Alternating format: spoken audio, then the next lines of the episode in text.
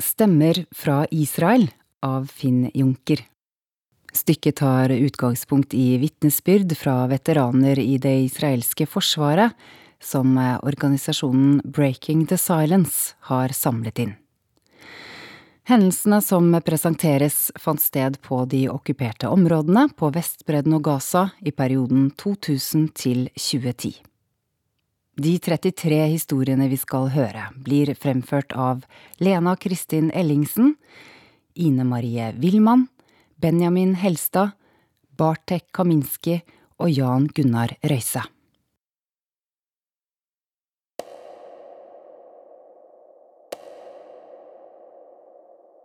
Vi var på kontrollposten Bekaot.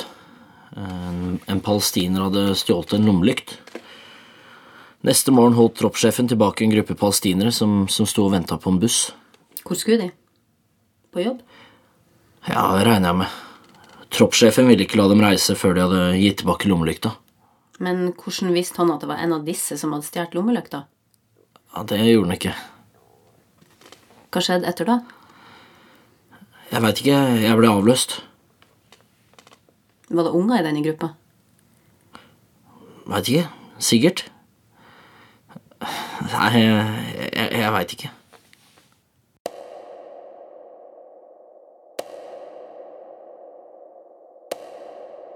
En annen gang banka han opp arabere i Hebron og fotograferte det. Bataljonssjefen. Ja. En araber kom ut av butikken sin, og de dro han ned i en bakgate og uh, banka han opp. Nei, ikke bataljonssjefen. Kompanisjefen. Bataljonssjefen gjorde det han skulle, og kompanisjefen ble fjerna. Hvorfor tok de bilder mens de banka opp araberen? Det er noe som bare skjer. Som uh, når du tar bilder av en kvinne du har strippa naken.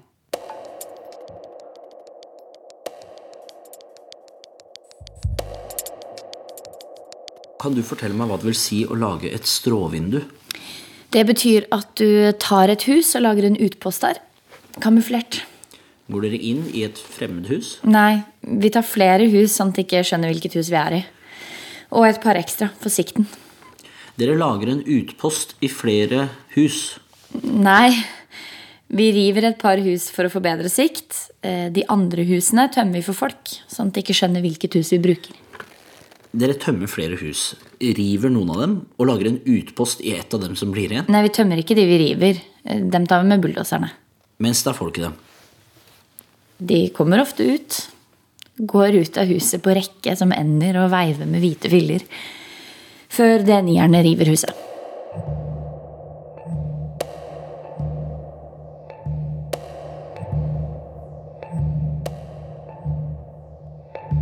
Fortell om det som skjedde i Gaza i år 2000. Det var i begynnelsen av intifadaen. Mm, Planen var å ta en terrorist som var på vei til Rafa, og stoppe han på veien og eliminere han. Her er veien, og her står PPK-ene våre. Vi sitter og venter, sammen med skinnbettagenter. Får stadig oppdateringer fra etterretningen. Er fortsatt hjemme. Han drikker kaffe, går ned i første. Bort til bilen, stanser, snur seg, går inn igjen. Kommer ut igjen. Og så er han på vei til oss. Sitter i baksetet, gevær i bagasjerommet. Når han kommer til veisperringen, er det en annen bil foran. Og det vil være lettere for oss å arrestere ham nå, som han ikke har våpen i kupeen. Skulle dere ikke eliminere han? Nå skulle vi bare arrestere ham. Bilen stanser, men det er en annen bil foran, så Så begynner vi å skyte. Bataljonssjefen roper stopp, stopp, stopp, men ingen stopper. Og sjåføren må ha blitt truffet, for han står på gassen. Bilen skjener ut og treffer betongblokkene før den stanser. Og noen av oss løper etter bilen og skyter og dreper alle som er i bilen. Men også bilen foran. Alle blir skutt. På vei tilbake til basen fleipet skinnbettagenten med at terroristen hadde vært en nobody. Så kom debrifingen. Ja, bra jobba, full pott. Vi tar hånd om resten. Jeg, jeg satt Jeg satt og ventet på at en eller annen general skulle komme inn og skrike hvem i helvete var det som skjøt på den første bilen? Dagen etter sto det en artikkel i Haaretz om hvordan et hemmelig team hadde drept fem terrorister. Full bio på alle fem. Hvem de var, hva de hadde gjort.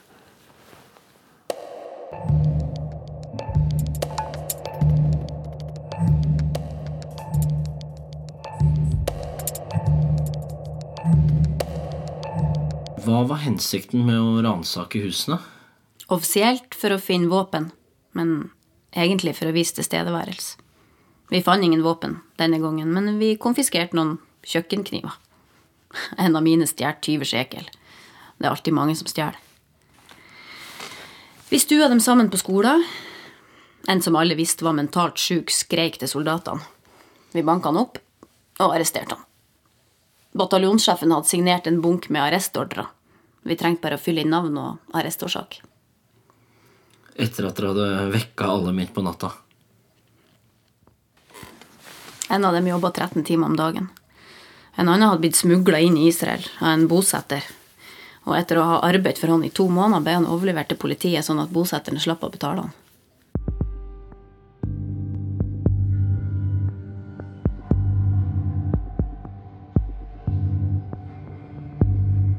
Vi fant Qassam-raketter i en moské, eh, og vi brukte en nabo til å uskadeliggjøre dem. Hva vil det si? Eh, Ja, vi hamra på dørene til folk, og så fant vi en som kunne gå opp i minareten og hente rakettene for oss. Jeg tror det er standard prosedyre den dag i dag. Altså få en nabo til å Ja, han her var tilbakestående. Får dere palestinere til å sikre eksplosiver? Hvorfor bruker dere ikke roboten? Ja, men du trenger lang tid på å frakte den dit du vil ha den. Så enten tar du med deg en stridsvogn og skyter mot moskeen, eller så tar du med deg en nabo. Og, og du tok med en nabo. Ja, vi, vi sa gå opp i minaretten, der er det noen rør, ta med dem til oss. Var du ikke redd? Jo, jo, jo, Bommene er vanligvis veldig low-tech. En liten feil er veldig farlig. Hvis du har med deg telefon, er det veldig farlig. Statisk elektrisitet er veldig farlig. Så nei, jeg vil ikke være i nærheten av sånne eksplosiver uten grunn.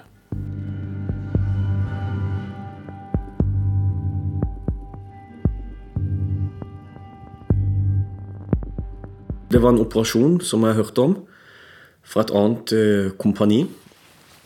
Eh, en kvinne hadde blitt sprengt. Lemmer og innvoll og opp etter veggen. Eh, men det var ikke med vilje. De hadde banka på flere ganger, og ingen hadde åpna. Og da bestemte de seg for å bruke eksplosiver. Og akkurat da eh, bestemte hun seg for å åpne. Og så kom barna hennes. Men jeg, jeg hørte om det under middagen etter operasjonen. Eh, Noen sa at det var vittig, og alle begynte å le. At eh, de hadde sett mamma på veggen.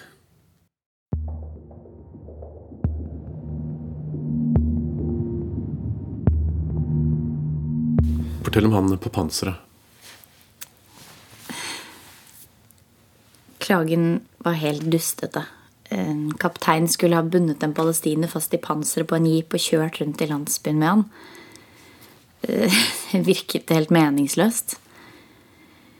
Men eh, rapporten stemte. Eh, Kapteinen hadde kjørt inn i Takoa, en ganske hissig landsby, og de hadde kastet steiner på han. Da hadde han stoppet en palestiner og bundet ham fast i panseret. Så hadde han kjørt videre rundt omkring i landsbyen.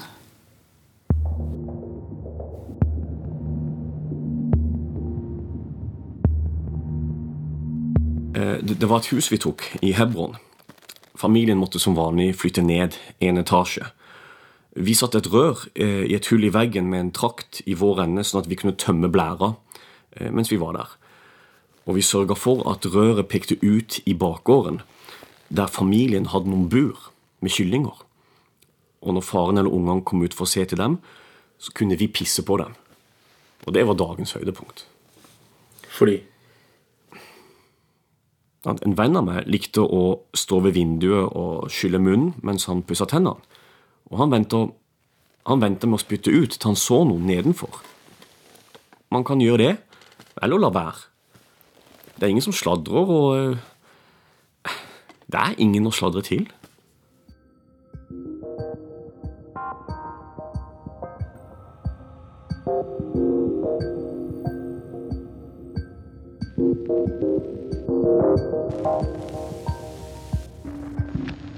Fortell om den gangen dere samla dem inne på en fotballstadion i Tulkarem.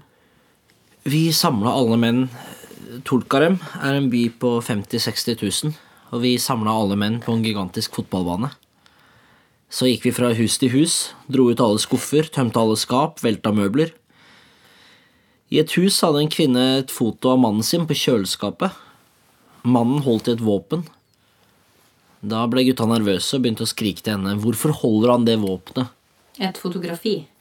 Et bilde av et våpen. Mannen hennes var palestinsk politimann. Hun var stolt av han. Hele familien var stolt. Men da gikk gutta amok og ødela hele huset.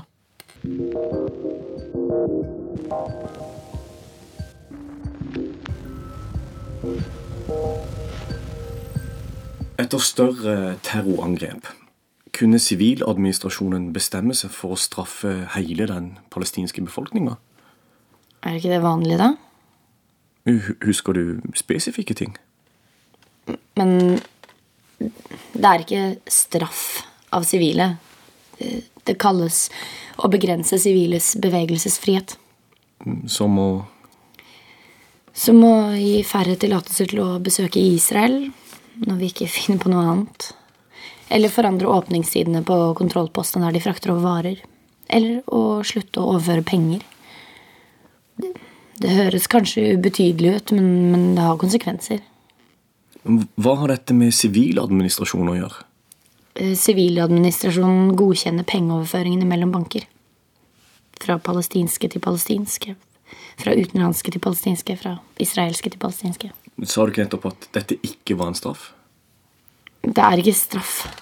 Altså, straff vil si å nekte frakt av brød, mel, olje, egg. Det er straff.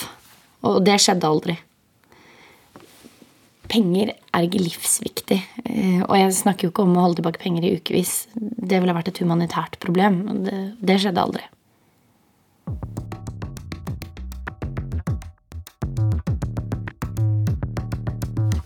Det handler mest om straff. Det er det jeg hater mest. De gjorde det mot oss, da gjør vi det mot dem. Vet du hva en blokade til sjøs innebærer? De har eh, ingenting å spise flere dager på rad. Eh, et angrep på Netanya det førte til en fire dagers blokade. Over hele stripa. Ingen båter hadde lov å legge fra.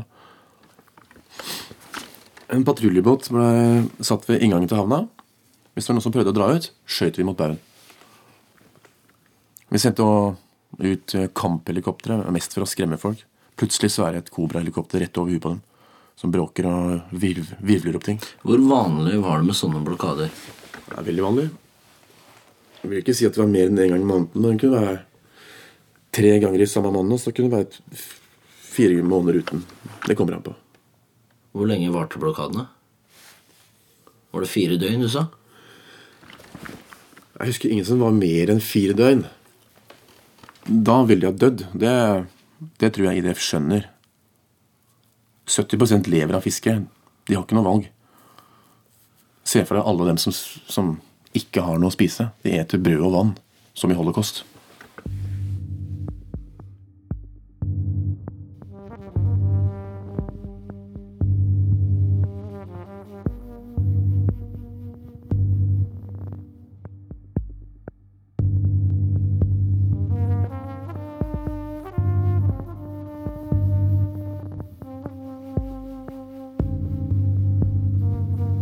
Var å beskytte bosetterne sin innfartsvei mot terroristangrep. Det kan være beskytninger, det kan være eksplosiver. En av mine viktigste oppgaver er å beskytte israelske borgere. Det er da jeg gjør, og det er helt legitimt. Denne dagen var det noen som hadde avfyrt et skudd og truffet frontruta på en bil. Vi fulgte sporene til nærmeste landsby. Det var blitt natt, og vi sto samla som tropp. Bataljonssjefen sa ok, ta dere inn i bygningen sånn at de skjønner det. Få dem til å skjønne det. Vi vekket opp hele landsbyen. Vi skrek til dem. Ingen av oss kunne arabisk. Jeg tok mi enhet med inn i ei bygning på seks-sju leilighet. Jeg hamra på en av dørene. Ei kvinne åpna. Der sto jeg plutselig med de sølete støvlene mine og skitna til teppene i stua hennes. Hvor er mannen i huset, skrek jeg på hebraisk. Ingen skjønte noen ting. Fant, fant dere han som skjøt? Det var ingen som skjøt. Jeg trodde noen hadde skutt i stykker ruta på en bil. Nei, han fant vi ikke. Oppdraget var vekk med å få dem til å skjønne det. Hva skulle de skjønne, da? Skjønte de det? Nei. Mens jeg sto i stua, så jeg en rammemadrass inne på soverommet, dekket av et pledd. Pleddet rørte på seg. Jeg ba en sjekke hva det var. Han dro um, Han dro pleddet til sides, og jeg tærte åtte unger som klamra seg sammen, holdt på å dø av skrekk. En av mine menn spurte om vi skulle gjøre et søk. Og da sa jeg, vet du hva, vi gjør et søk. Vi fant ingenting.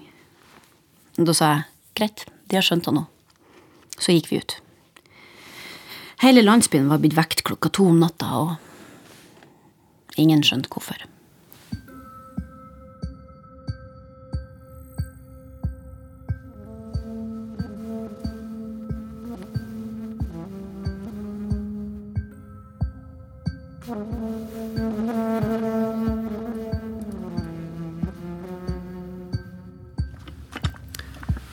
Jeg ser en gammel mann med stokk som går nedover veien. Plutselig kommer tre gutter på 16 eller 17 og dytter han over ende, eh, tar en stein og moser hodet hans med den. Blodet som eh, renner fra hodet, guttene som sparker han. To eller tre sekunder, og så er det over. Guttene er borte. Den gamle mannen bare ligger der. Var det andre som reagerte på det de så? Ja.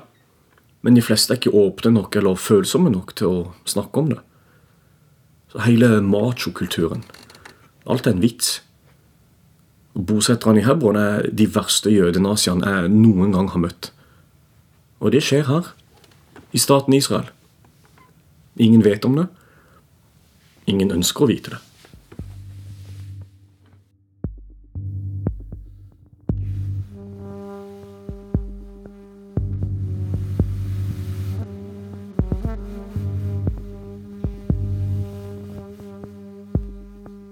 Hadde inntrykk av at vi beskytta araberne fra jødene. En gang jeg hadde vakt, tilkalla noen saniteten over radio. Jeg sprang ned for å se hva som hadde skjedd, og jeg så ei seks år gammel palestinsk jente med hodet som et åpent sår. En, eh,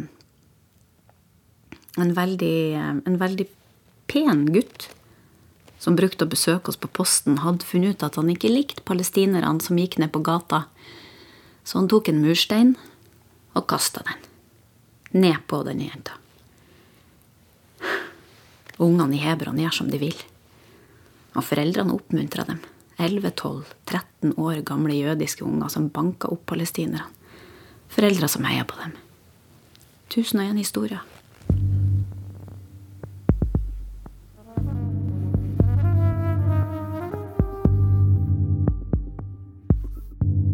Når jeg kikka på de palestinske barna i Hebron, så var jeg stolt. Eh, hvorfor det? Jeg var stolt av at de var redde. Hvem var de redde for? De jødiske barna som kasta steiner på dem. Virker det ikke rart når et barn kaster stein på et annet barn? Fordi, eh, fordi det ene barnet er jødisk, og det andre er palestinsk. Eh, Jeg veit at foreldra lærer dem å hate, å kaste stein og skrike til dem. Og du, og du, du veit ikke hvilken side du er på. For du er en jødisk-israelsk soldat. Du, du, er egentlig, du skal egentlig være mot arabere, for de er fienden. Men du, men du er i Hebron, på basen ved siden av huset til noen bosettere. Og du tenker at du, du, du er ikke på deres side, for at jødene de har ikke rett til å gjøre det de gjør. Men vent litt, så må du trykke på en knapp i hjernen, sånn at du kan fortsette å hate arabere og forsvare jødene. Men vent litt, du kan ikke forsvare det jødene gjør, for det var de som begynte. Hvor gamle er barna? Er små. Fem eller seks. Du er forbanna på Israel fordi bosettere er der. Og du hater arabere som dreper vennene dine og, og, og lager masse problemer. Først hater du den ene og skjeller den ut, og så hater du den andre og spytter på den. Spytter du på jøder? Nei, hvorfor skal jeg gjøre det? De, de har jo aldri gjort meg noe. Hva med arabere? Ja, Men de er arabere. Jeg får ikke dra, får ikke dra og arrestere noen. Jeg, jeg får ikke drepe terrorister. Jeg får ikke være med på operasjoner og finne våpen under en vedstabel. Men jeg kan spytte på dem og ydmyke dem og kødde med dem.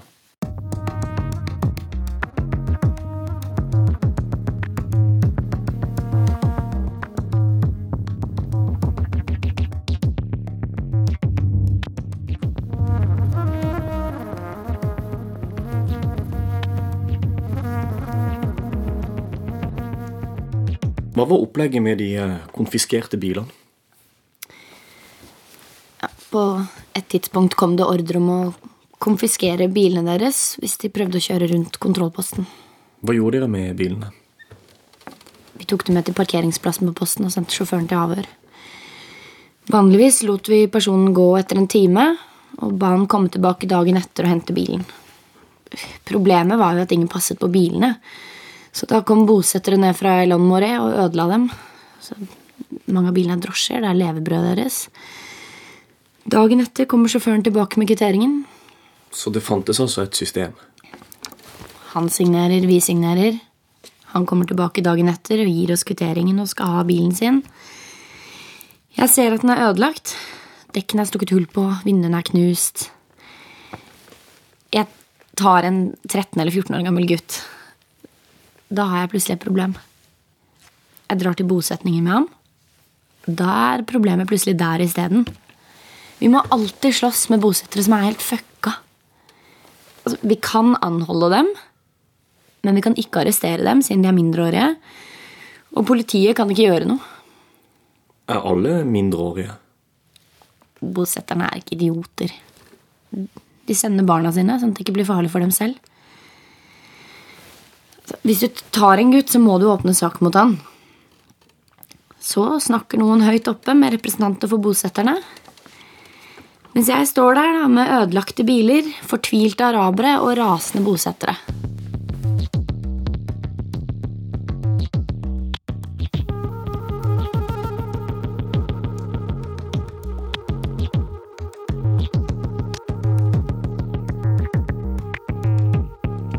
En dag kom en palestiner bort til meg på posten og sa De bombarderer huset mitt med steiner. Vi gikk hjem til han.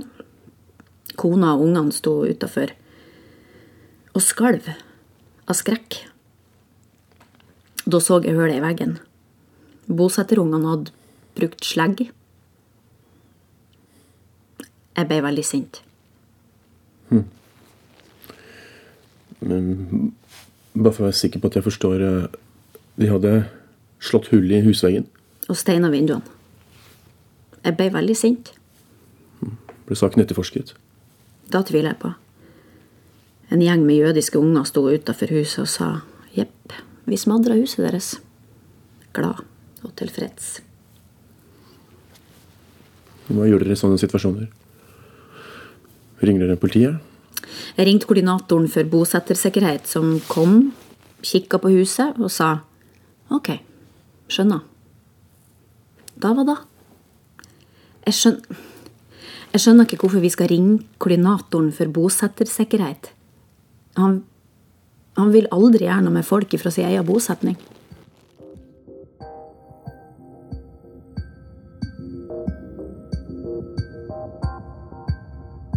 Vi fikk melding over radio om å dra til Aleisa hav, fordi koordinatoren for bosettersikkerhet hadde arrestert noen. Da vi kom, var politiet allerede på plass, og to unge arabere, omtrent på vår alder, satt i stua med håndjern. En dame mente at de hadde prøvd å stjele 70 dollar fra henne, men de sa bare 'vann, drikke vann'. Så begynte koordinatoren å banke dem opp. På et tidspunkt tok han pistolen og satte løpet i munnen på den ene og sa til meg Ta den ut og skyt den. Og dette skjedde innendørs? I stuen hennes?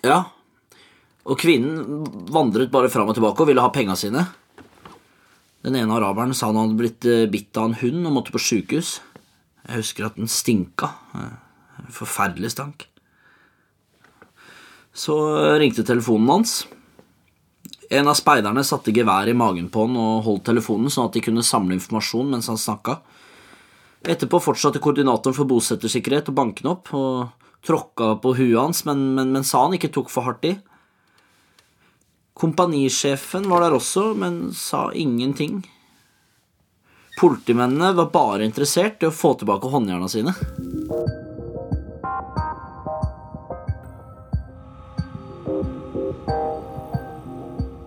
Det er en kontrollpost sør i eh, Addaharia som palestinere må krysse for å komme på jobb i Beersheva. Flere titalls palestinere eh, hver dag, mange til fots. En av offiserene ville at vi skulle sørge for orden, og når noen ikke sto helt på linje, skjøt han i lufta. Og en annen gang bare banka han opp en fyr. Han slo han i ansiktet med geværkolben, sparka han i skrittet, spytta på han, skjelte han ut, rett foran ungen hans. Var han fra ditt kompani? Ja, men det var flere. En var med oss i eh, to uker, bare for å banke opp arabere. Hvis de ikke gjorde akkurat som han sa, hvis de ikke var fullstendig underdanige, slo han de i knærne, eh, i magen, i hodet, og de som ikke svarte med en gang, eh, hvor er ID-en din, hvor er du fra, alle som så litt snåle ut, fikk gjennomgå. Og jeg snakker ikke om de som skyter på eh, arabere som stikker av. Jeg snakker om de som banker opp arabere. Det var helt idiotisk. Og når du er vitne til det, så I dag ville jeg ha stoppa det, men formelt er det helt i orden. Å banke opp en araber, kødde med han, rette våpenet mot ansiktet hans og, og så skyte i lufta Alt er greit. De fleste er ordentlige folk, men det er alltid noen som bestemmer seg for at i dag skal de banke noen. Vi snakker helt åpent om det, tar bilder. En palestiner satte de ned i spagaten og bandt han fast, og fotograferte det.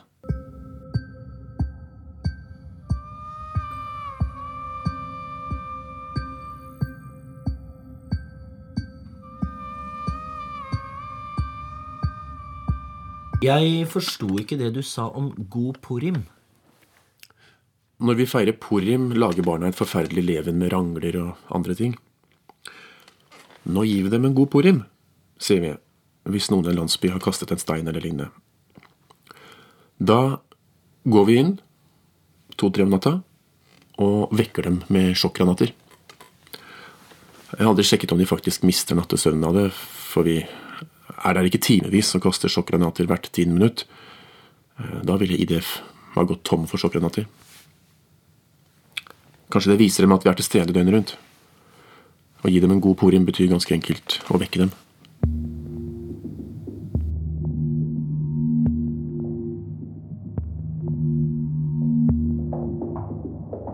Hva skjedde med den mistenkte?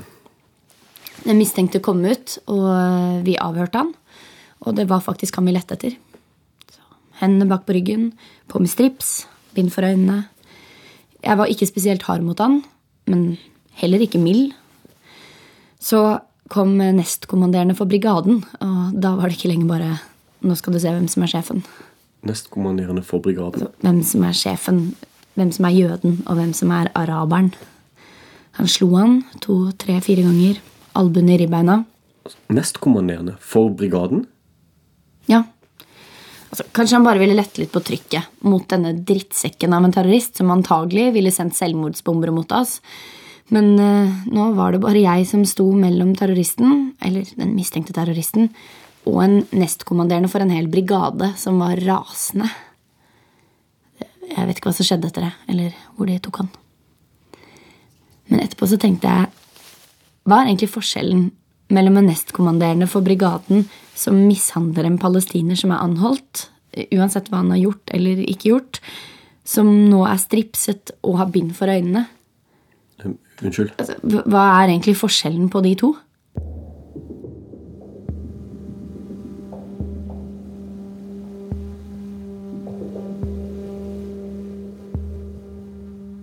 Mennesker smuldrer opp i møte med denne kontrollposten. Familier smuldrer opp. Folk holdes adskilt. Mødre, fedre, søsken, barn. Det var en hel tropp med yeshiva-studenter da jeg var der. De er klin gærne. De hater arabere. De er villige til å gå i fengsel for å banke dem opp. De har ingen gud. Det ville Vesten.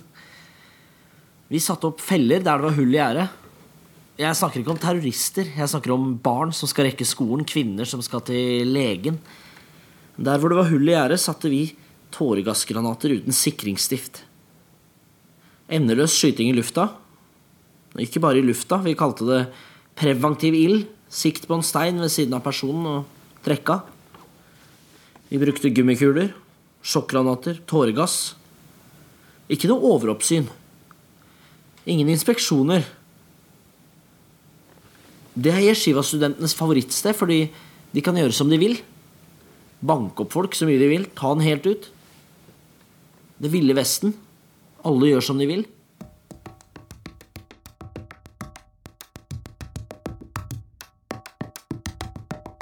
En egen lov sier at det er ulovlig å slå palestinere som har på håndjern eller er stripsa. Jeg var med flere ganger når Shin Bet åpna døra i et hus og storma inn.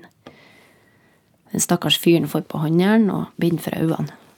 To soldater holder han, og de andre sparker han i magen og i hodet. Mora er hysterisk. Søsknene er vettskremt. Ble det rapportert? Det var sin bettagenter. Hvis de ikke hadde fått lov til å gjøre det, ville det ikke ha skjedd. Alle gjør som de vil. Sannheten er at jeg burde ha stoppa det. Men det, det er liksom ingen å henvende seg til. Fortalte du foreldra dine om det? Seriøst. Jeg var en del av det. Det var ingen å rapportere til. Særlig ikke siden de var offiserer, og jeg bare En dust. Skulle jeg liksom irettesette dem?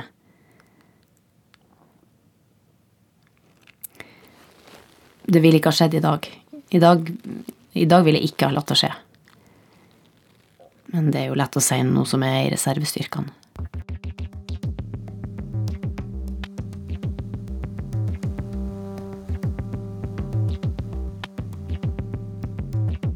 Vi tok et hus. Eh, rigga oss til. En av snikskytterne våre så en mann på et tak, to eller tre bygninger unna, ubevæpna. Jeg så han gjennom nattkikkerten, ubevæpna. En fyr går omkring på et tak midt på natta. Vi rapporterte det til kompanisjefen. Kompanisjefen sa 'skyt han'. Så Snikskytteren skjøt, mannen falt om. Kompanisjefen dømte ganske enkelt, over radio, en ubevæpna mann til døden. Er du sikker på at han var ubevæpna? Jeg så han gjennom nattkikkerten. I rapporten sto det også 'ubevæpna mann på tak'.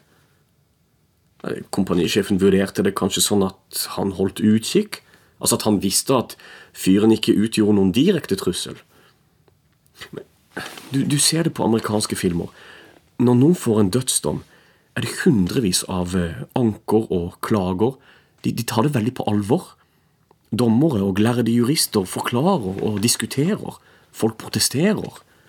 Og I dette tilfellet dømte en 26 år gammel kompanisjef en ubevæpna mann til døden. Hvem var han? En som holdt utkikk? Jeg kødder du? Kompanisjefen ga ordre om å skyte han, noe jeg mener er en ulovlig ordre, og vi drepte han.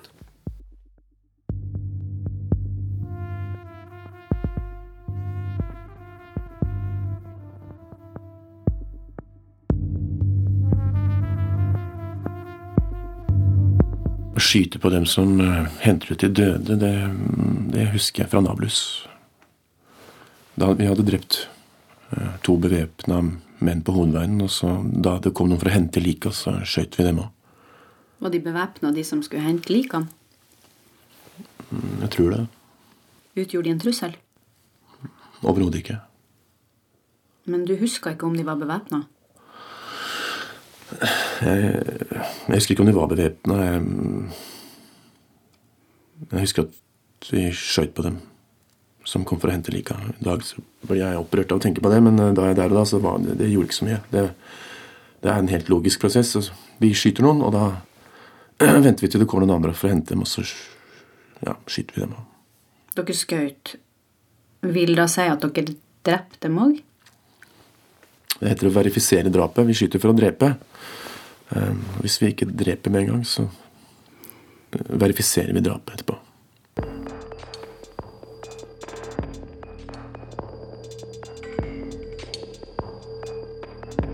Du må forstå at Nablus er under beleiring. Det er derfor det er så mye smugling der, og den går gjennom kontrollpostene. Lastebiler vil inn med varer, biler og lastebiler vil ut, folk skal på jobb, barn skal på skole, og, og de rømmer ofte til fots, for det er ingen mur rundt Nablus. En stund hadde vi en veldig vag tillatelse fra nestkommanderende for bataljonen, en slags eh, halvtillatelse til å skyte dekka. Eh, dekka? Når vi stoppa en bil, skjøt vi hull i dekka. På ordre fra nestkommanderende for bataljonen? Det var en slags tillatelse som han ga til kompanisjefen. Vi skjøt hulla i dekka eller brukte kniv. Det gikk så langt som til å fjerne templuggene. Vold mot biler. Vi måtte bare ikke knuse vinduene. Etter to uker sa de at det ikke fantes noen tillatelse, og da slutta vi. Hvordan virka det inn på dere? Ting virker ikke inn i hæren. Du snakker ikke om det, du går videre. Før tillatt, nå ikke tillatt.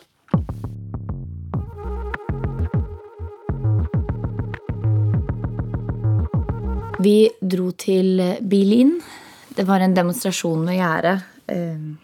Vi sto rett overfor dem og sa hvis dere kommer nærmere, skyter vi. De kom litt nærmere. Noen dyttet, så kom steiner og slåssing, tåregass, gummikuler. Bygger seg opp. Jeg satt et lite stykke unna sammen med høyere befal. De lo mens demonstrantene ble banket opp. Se for deg dette. Um, offiseren med ryggen mot meg, som ler. Uh, jeg snur meg. Grensepoliti som banker opp folk. Noen holder på å bli kvalt, en annen blør. Og når noen blir skutt, så får jeg et bilde inn i hodet, noe jeg må ha sett på film. Eh, nazister som skyter jøder i rennesteinen. Offiserene som står rundt og ler. Det er ikke det samme. Og det er ingen sammenheng her.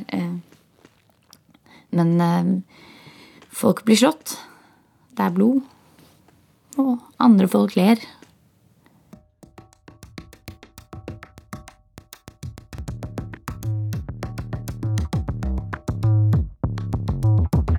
Det var utmattende å stå ved kontrollposten i Kalandia tolv timer i strekk i dårlig vær midt på vinteren i desember eller januar. Og det var irriterende å se palestinerne kjøre opp til oss i de oppvarma bilene sine. Men eh, mange av bilene var gamle, og bagasjelokket kunne ikke åpnes eh, innenfra. Så vi pleide å få de ut i regnet og kulda for å åpne bagasjerommet manuelt. En kveld ba jeg en fyr om å komme ut for å åpne bagasjerommet. Han sa han kunne åpne det innenfra. Det hagla, jeg var litt syk, og jeg ba han nok en gang om å komme ut. Og han nekta. Jeg tok bilnøklene hans og halte han ut. Og da han mumla noe, så slo jeg han i ansiktet med geværkolben. Mm. Så lett var det å bli en del av volden.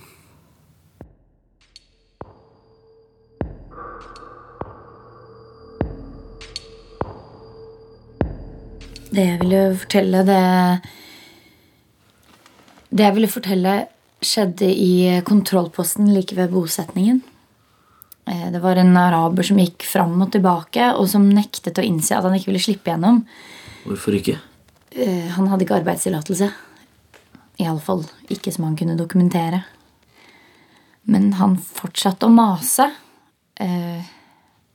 Vi ble etter hvert så irritert at vi satte ham i et hjørne med håndjern og bind for øynene.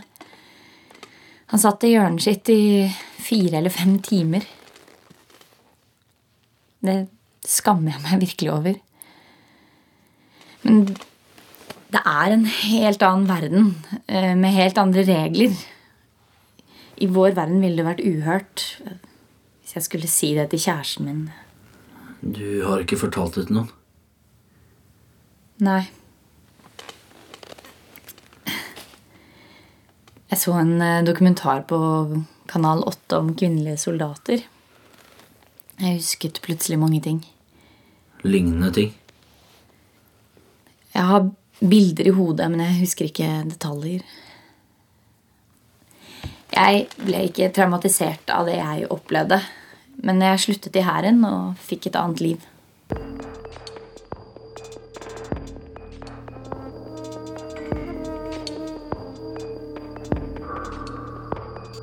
Det er bare da at de ikke lenger er like mye verdt som andre mennesker. Palestinerne. Ja. Var det noe du tenkte mye på mens du var der? Ikke så mye. Litt, kanskje. Det er noe som bygger seg opp, tror jeg. På skolen er de like mye verdt. Hjemme er de da, til å begynne med når de er unge. En palestinsk israeler er en israeler. Punktum. Men da jeg sekta på demonstrantene, studentene som var venstreradikale, men som bare var israelere, sjøl om de var arabere Når det er du som bestemmer, når du bestemmer hvem som skal løslates, hvem som skal få vann De blir sakte mindre verd. Etter to år er de ikke verdt noe i det hele tatt. Det er da jeg husker.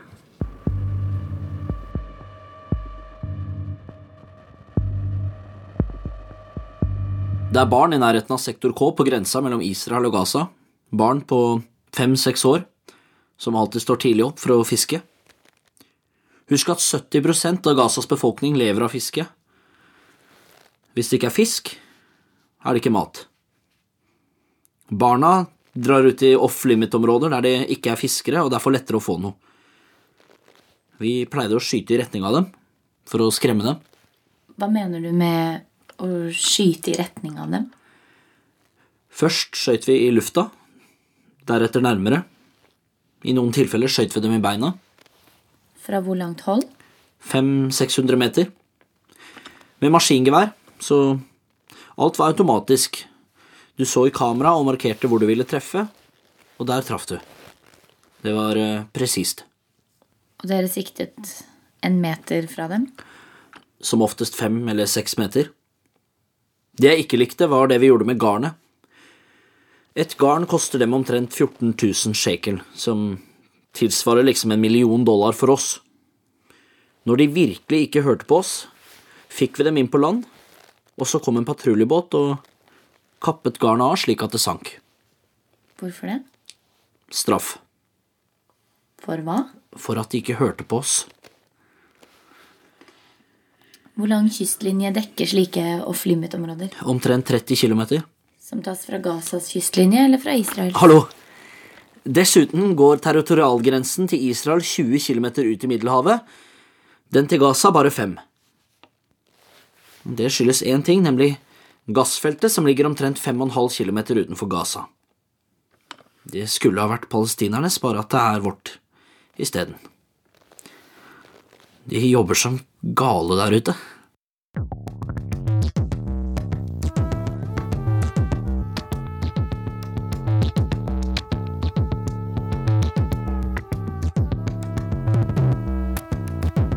Jeg kan fortelle om noe jeg gjorde mot en som var på vei inn til meieriet i Hebron. Jeg tror det var portforbud på den tida. Det var iallfall ulovlig å krysse akkurat der. Og jeg tok han for tredje gang. Jeg ba han komme ut av lastebilen, men han bare skjelte og smelte, så da jeg endelig fikk han ut, så var det på med håndjern og bind for øynene. Jeg tok han med til basen. Det var omtrent ti om formiddagen. Midt på sommeren, veldig varmt. Han hadde noe sånt som 2000 liter melk. 2000 liter melk. Sto i sola mens han satt med håndjern og bind for øynene. Rundt midnatt lot han gå.